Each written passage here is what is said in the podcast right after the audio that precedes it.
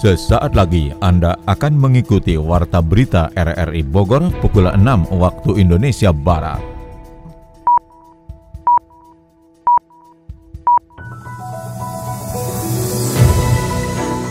Selamat pagi. Saudara, kita bersua kembali lewat Warta Berita RRI Bogor, Senin 20 Desember 2021. Siaran ini juga dapat Anda dengarkan melalui aplikasi RRI Play serta turut disiarkan Radio Tegar Beriman Kabupaten Bogor. Berikut kami sampaikan berita utama. DPRD Kota Bogor tetap menolak glow di Kebun Raya Bogor. Berpotensi untuk kemudian mengancam kelestarian alam sekaligus kelestarian budaya.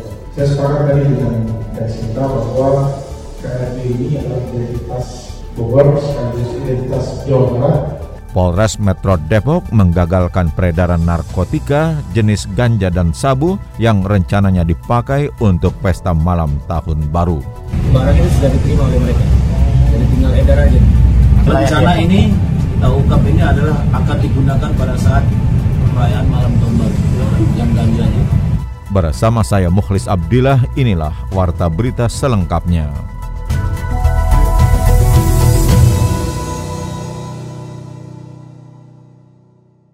Saudara DPRD Kota Bogor tetap menolak glow di Kebun Raya Bogor. Kita simak catatan Sony Agung Saputra.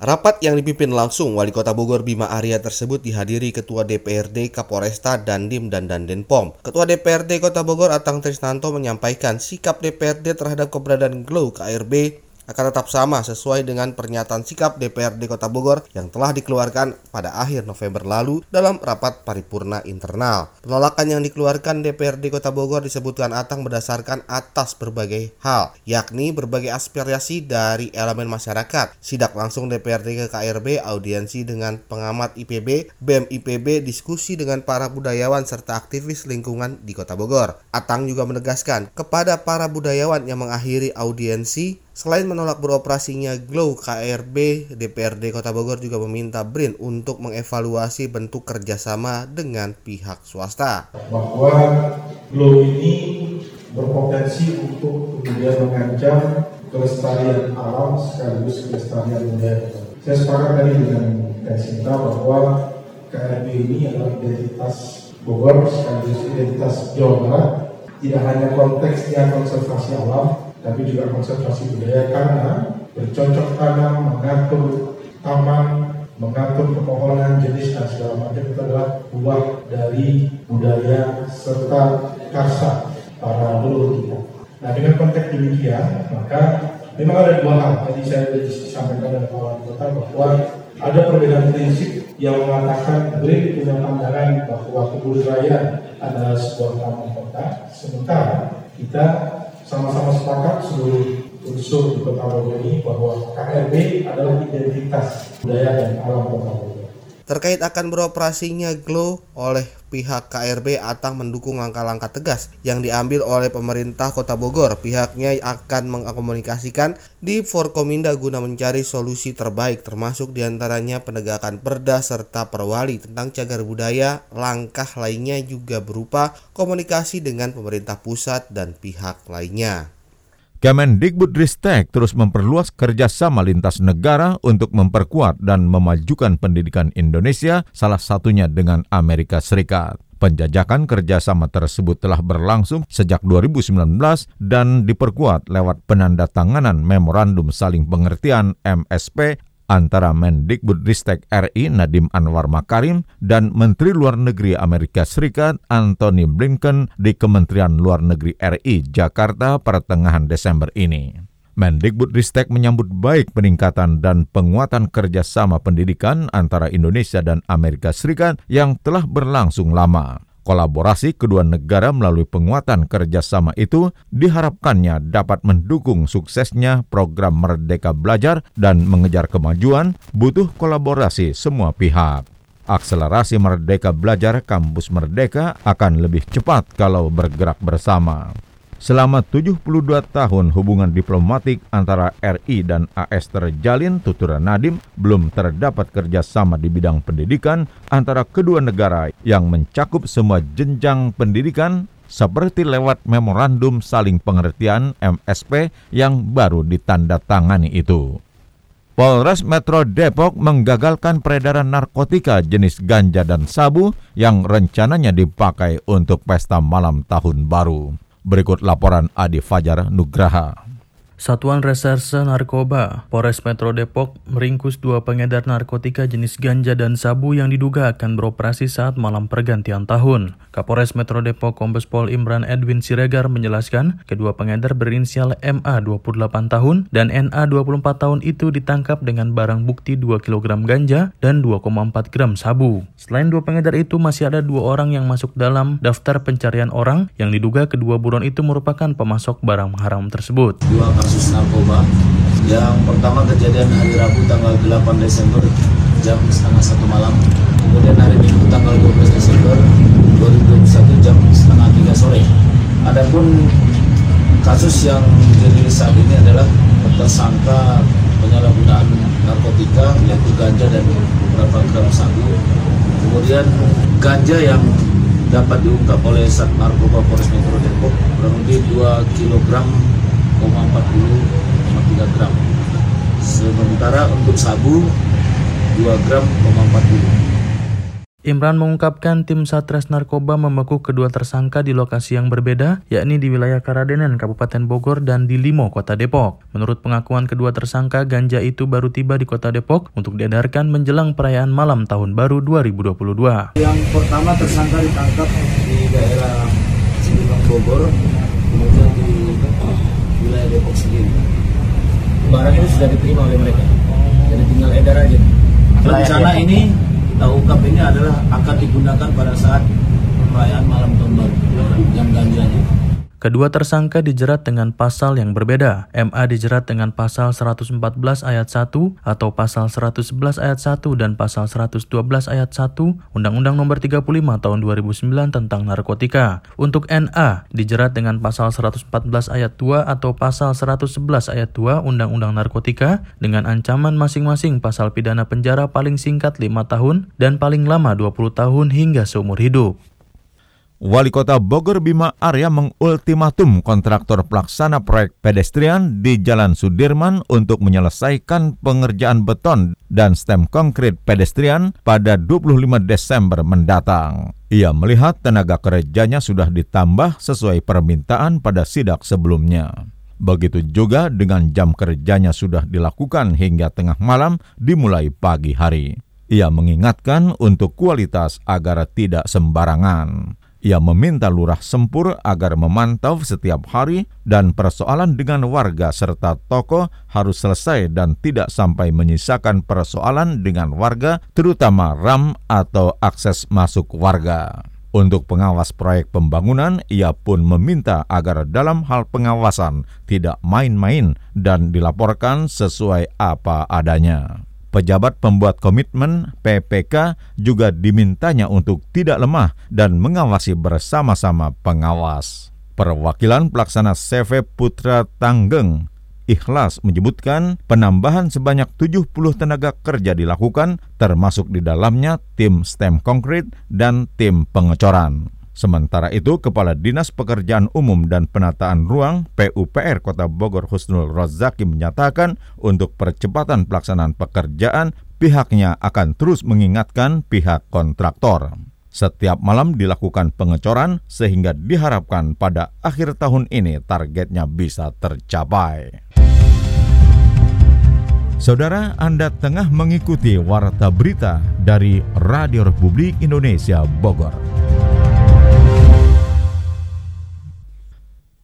Dari dunia ekonomi dilaporkan penguasaan pangsa pasar minyak sawit dunia oleh Indonesia telah mencapai 58 persen. Informasi selengkapnya disampaikan Adi Fajar Nugraha. Menteri Koordinator Bidang Perekonomian Erlangga Hartarto mengatakan penguasaan pangsa pasar minyak sawit dunia oleh Indonesia telah mencapai 58 persen. Ia menjelaskan sektor pertanian yang mencakup komoditas kelapa sawit juga turut andil dalam pemulihan ekonomi nasional. Hal ini terlihat lewat kinerja ekspor pada kuartal 2 2021 yang tercatat tumbuh tinggi, yakni 31,78 persen secara tahunan, yang mana berarti kelapa sawit telah berkontribusi sebesar 13 persen terhadap ekspor non-migas Indonesia.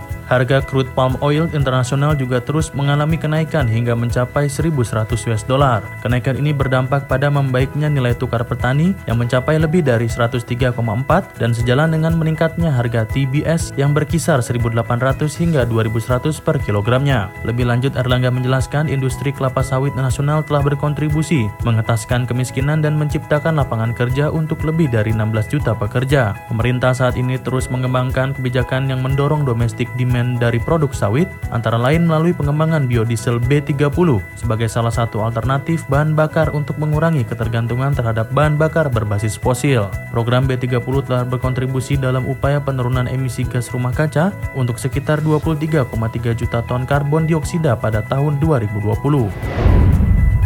Kementerian Investasi mengawinkan investor dengan pelaku usaha mikro, kecil, dan menengah atau UMKM dengan memfasilitasi penandatanganan komitmen kerjasama dalam program kolaborasi penanaman modal asing atau PMA dan juga penanaman modal dalam negeri atau PMDN dengan UMKM. Penandatanganan komitmen tersebut dilakukan oleh perwakilan 15 usaha besar dan 25 UMKM yang disaksikan langsung oleh Menteri Investasi Bahlil Lahadalia di Bali pada Sabtu lalu. Kementerian Investasi sendiri telah berhasil memfasilitasi 89 PMA atau PMDN dan 383 UMKM dari seluruh wilayah Indonesia yang berpartisipasi pada program kemitraan antara usaha besar dan UMKM sepanjang tahun 2021. Komitmen tersebut mencatat nilai kontrak kerjasama sebesar 2,73 triliun rupiah, di mana capaian tersebut naik 82 persen dibandingkan tahun 2020 lalu sebesar 1,5 triliun rupiah. Berdasarkan catatan Kementerian Investasi, jika dibandingkan dengan data tahun 2020 lalu, jumlah PMA PMDN PMDN naik sebesar 59% dari yang sebelumnya hanya 56 menjadi 89 usaha besar PMA dan PMDN. Sedangkan untuk total UMKM meningkat 99% yaitu dari 196 menjadi 383 UMKM yang melakukan komitmen kerjasama dengan usaha besar PMA dan PMDN.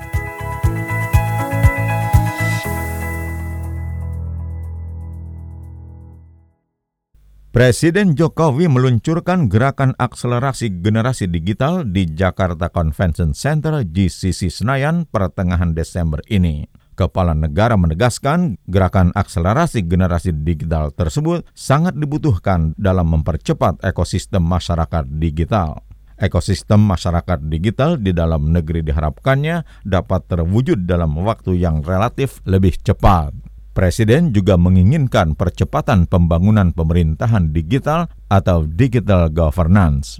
Jokowi pun memerintahkan Menteri Komunikasi dan Informatika untuk membangun infrastruktur digital secepatnya. Indonesia menurutnya memiliki waktu dua tahun untuk melakukan akselerasi generasi digital dan yang paling sulit memang menyiapkan talenta digital dalam jumlah besar, mendatangkan mentor-mentor yang punya kualifikasi baik masyarakat Jabodetabek membanjiri alun-alun kota Bogor. Sony Agung Saputra menurunkan catatannya. Alun-alun Kota Bogor menjadi pusat perhatian masyarakat Jakarta, Depok, Tangerang, dan Bekasi, serta Bogor sendiri dengan mendatangi alun-alun di pusat kota yang baru diresmikan Gubernur Jawa Barat Ridwan Kamil. Pantauan RRI pada akhir pekan kemarin, masyarakat dari berbagai daerah berdatangan untuk melihat alun-alun di mana terdapat sejumlah fasilitas seperti jogging track, alat fitness, dan tempat bermain anak. Masyarakat juga bisa berfoto di area yang sudah dipersiapkan dengan latar belakang stasiun Bogor dan juga sejumlah objek objek menarik lainnya. Salah seorang warga Dramaga Kabupaten Bogor, Lucy, mengungkapkan melihat alun-alun kota Bogor yang berfungsi sebagai tempat berkumpul masyarakat, terlebih untuk menuju kawasan tersebut cukup mudah karena bisa menggunakan akses angkutan umum dan pribadi bahkan kereta api komuter lain. Namun dalam penyempurnaan alun-alun tersebut tetap harus ada fasilitas tempat duduk karena saat ini masyarakat yang datang terpaksa duduk di rumput atau tanah.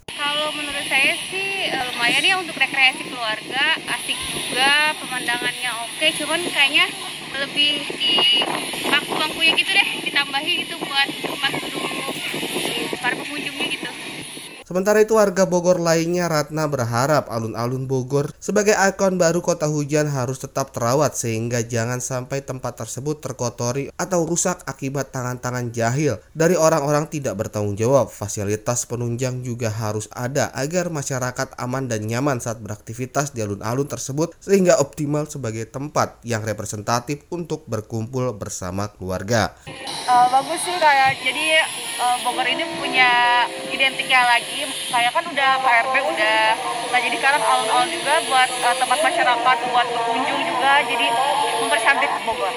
Harapannya buat Bogor ditingkatkan lagi. Kayak sarana-sarananya mungkin ya kayak tempat duduknya jadi diperbanyak biar nggak ada lagi yang berdiri-berdiri kayak gitu.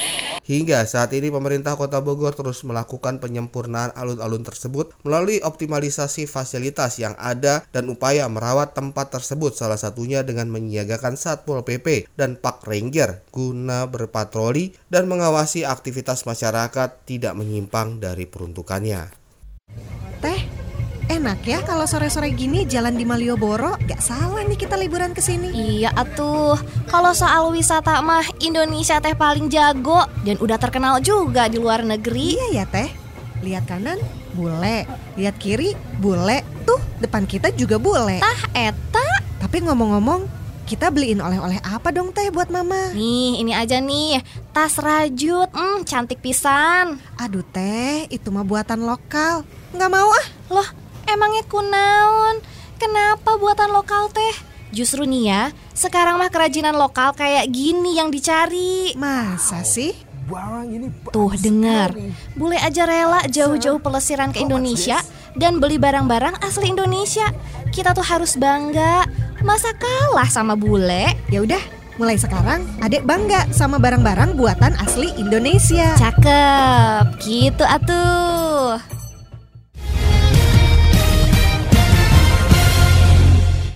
Beralih ke informasi olahraga, atlet Federasi Arung Jeram Indonesia Kabupaten Bogor sukses mengamankan tiket Porprov 14 Jawa Barat 2022.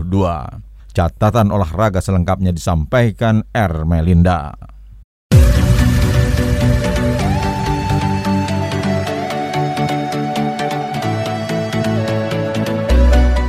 Campuran Thailand Decapol Puavanukroh dan juga Sapsire melenggang ke final kejuaraan dunia bulu tangkis 2021.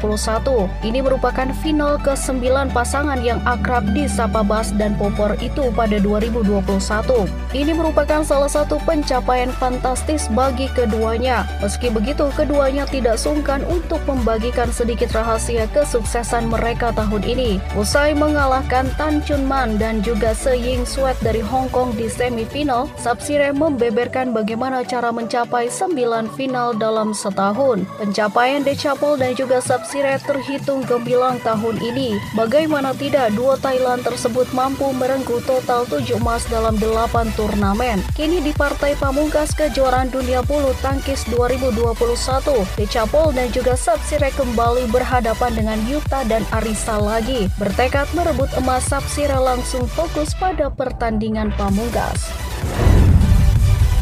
Ketua Umum Federasi Panjat Tebing Indonesia FPTI Kabupaten Bogor Bambang Widodo Tawekal mengatakan puas atas lolosnya para atlet dari babak kualifikasi Pekan Olahraga Provinsi BK Porprov ke-14 Jawa Barat 2022. Bambang W. Tawekal mengatakan hasil BK Porprov bukan hasil penentu, tetapi menjadi tolak ukur untuk melihat kekuatan dari masing-masing daerah peserta Porprov 2022 untuk cabang olahraga panjat tebing tersebut. Apalagi dalam babak kualifikasi kualifikasi lalu tidak ada raihan medali, hanya peringkat untuk lolos menuju Porprov 2022. Saat ini tambah Bambang Tawakal, semua atlet terus berlatih mengingat FPTI Kabupaten Bogor ditarget 7 medali emas oleh KONI setempat, sehingga atlet harus lebih dipersiapkan dari sisa waktu sebelum pelaksanaan Porprov 2022 digelar. Atlet Federasi Arung Jeram Indonesia Fazi Kabupaten Bogor sukses mengamankan tiket Pekan Olahraga Provinsi Porprov ke-14 Jawa Barat 2022 setelah berhasil melalui babak kualifikasi BK Porprov 2022 yang digelar di Kabupaten Garut pada tanggal 22 hingga 28 November 2021. Keberhasilan para atlet lokal binaan Pengcap Faji Kabupaten Bogor tidak terlepas dari kekompakan tim dalam bertanding sehingga sukses mengamankan mengamankan tiket Porprov 2022. Ketua Umum Pengcap Haji Kabupaten Bogor TB Wajedi Nur menyebutkan beberapa tiket berhasil diamankan atlet Kabupaten Bogor. Pertandingannya hampir semua kelas dilombakan, cuman memang ada beberapa kategori yang juga tambahan, tapi kemudian sih insya Allah Kabupaten Bogor lolos di 12 kelas ya. Ada kelas 4 air sprint, slalom, sama R6 juga sama, terus head to head, ya kalau perjalanan pertandingan sih memang sangat luar biasa menarik karena kalau dilihat daripada para peserta yang kemarin juga hadir di babak kualifikasi, memang kelihatannya juga para peserta dari kabupaten dan kota lain di Jawa Barat ini kelihatannya sangat luar biasa ya. Kemungkinan nanti di Poroprov di kalau menjadi tahun 2022 ini sangat ketat ya kelihatannya. TB Wajedi menambahkan raihan tersebut tidak lepas dari proses latihan dan kebersamaan yang dibangun para atlet pelatih dan pengurus Fazi Kabupaten Bogor selama ini sehingga mereka mampu meraih tiket menuju Porprov 2022. Menurutnya semua atlet arung jeram yang membela Kabupaten Bogor adalah atlet lokal dan murni binaan Fazi Kabupaten Bogor selama ini.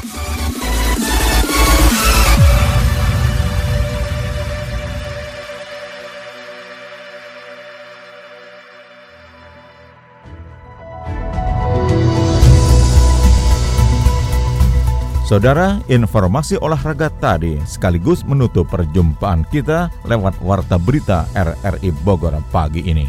Sekali lagi kami sampaikan berita utama. DPRD Kota Bogor tetap menolak glow di Kebun Raya Bogor. Polres Metro Depok menggagalkan peredaran narkotika jenis ganja dan sabu yang rencananya dipakai untuk pesta malam tahun baru. Siaran ini dapat Anda dengarkan kembali melalui podcast kami di Spotify, Anchor, Podtail, dan Google Podcast. Saya Muhlis Abdillah merangkap Des Editor bersama penata teknik Mahdinur mengucapkan terima kasih atas kebersamaan Anda. Selamat pagi.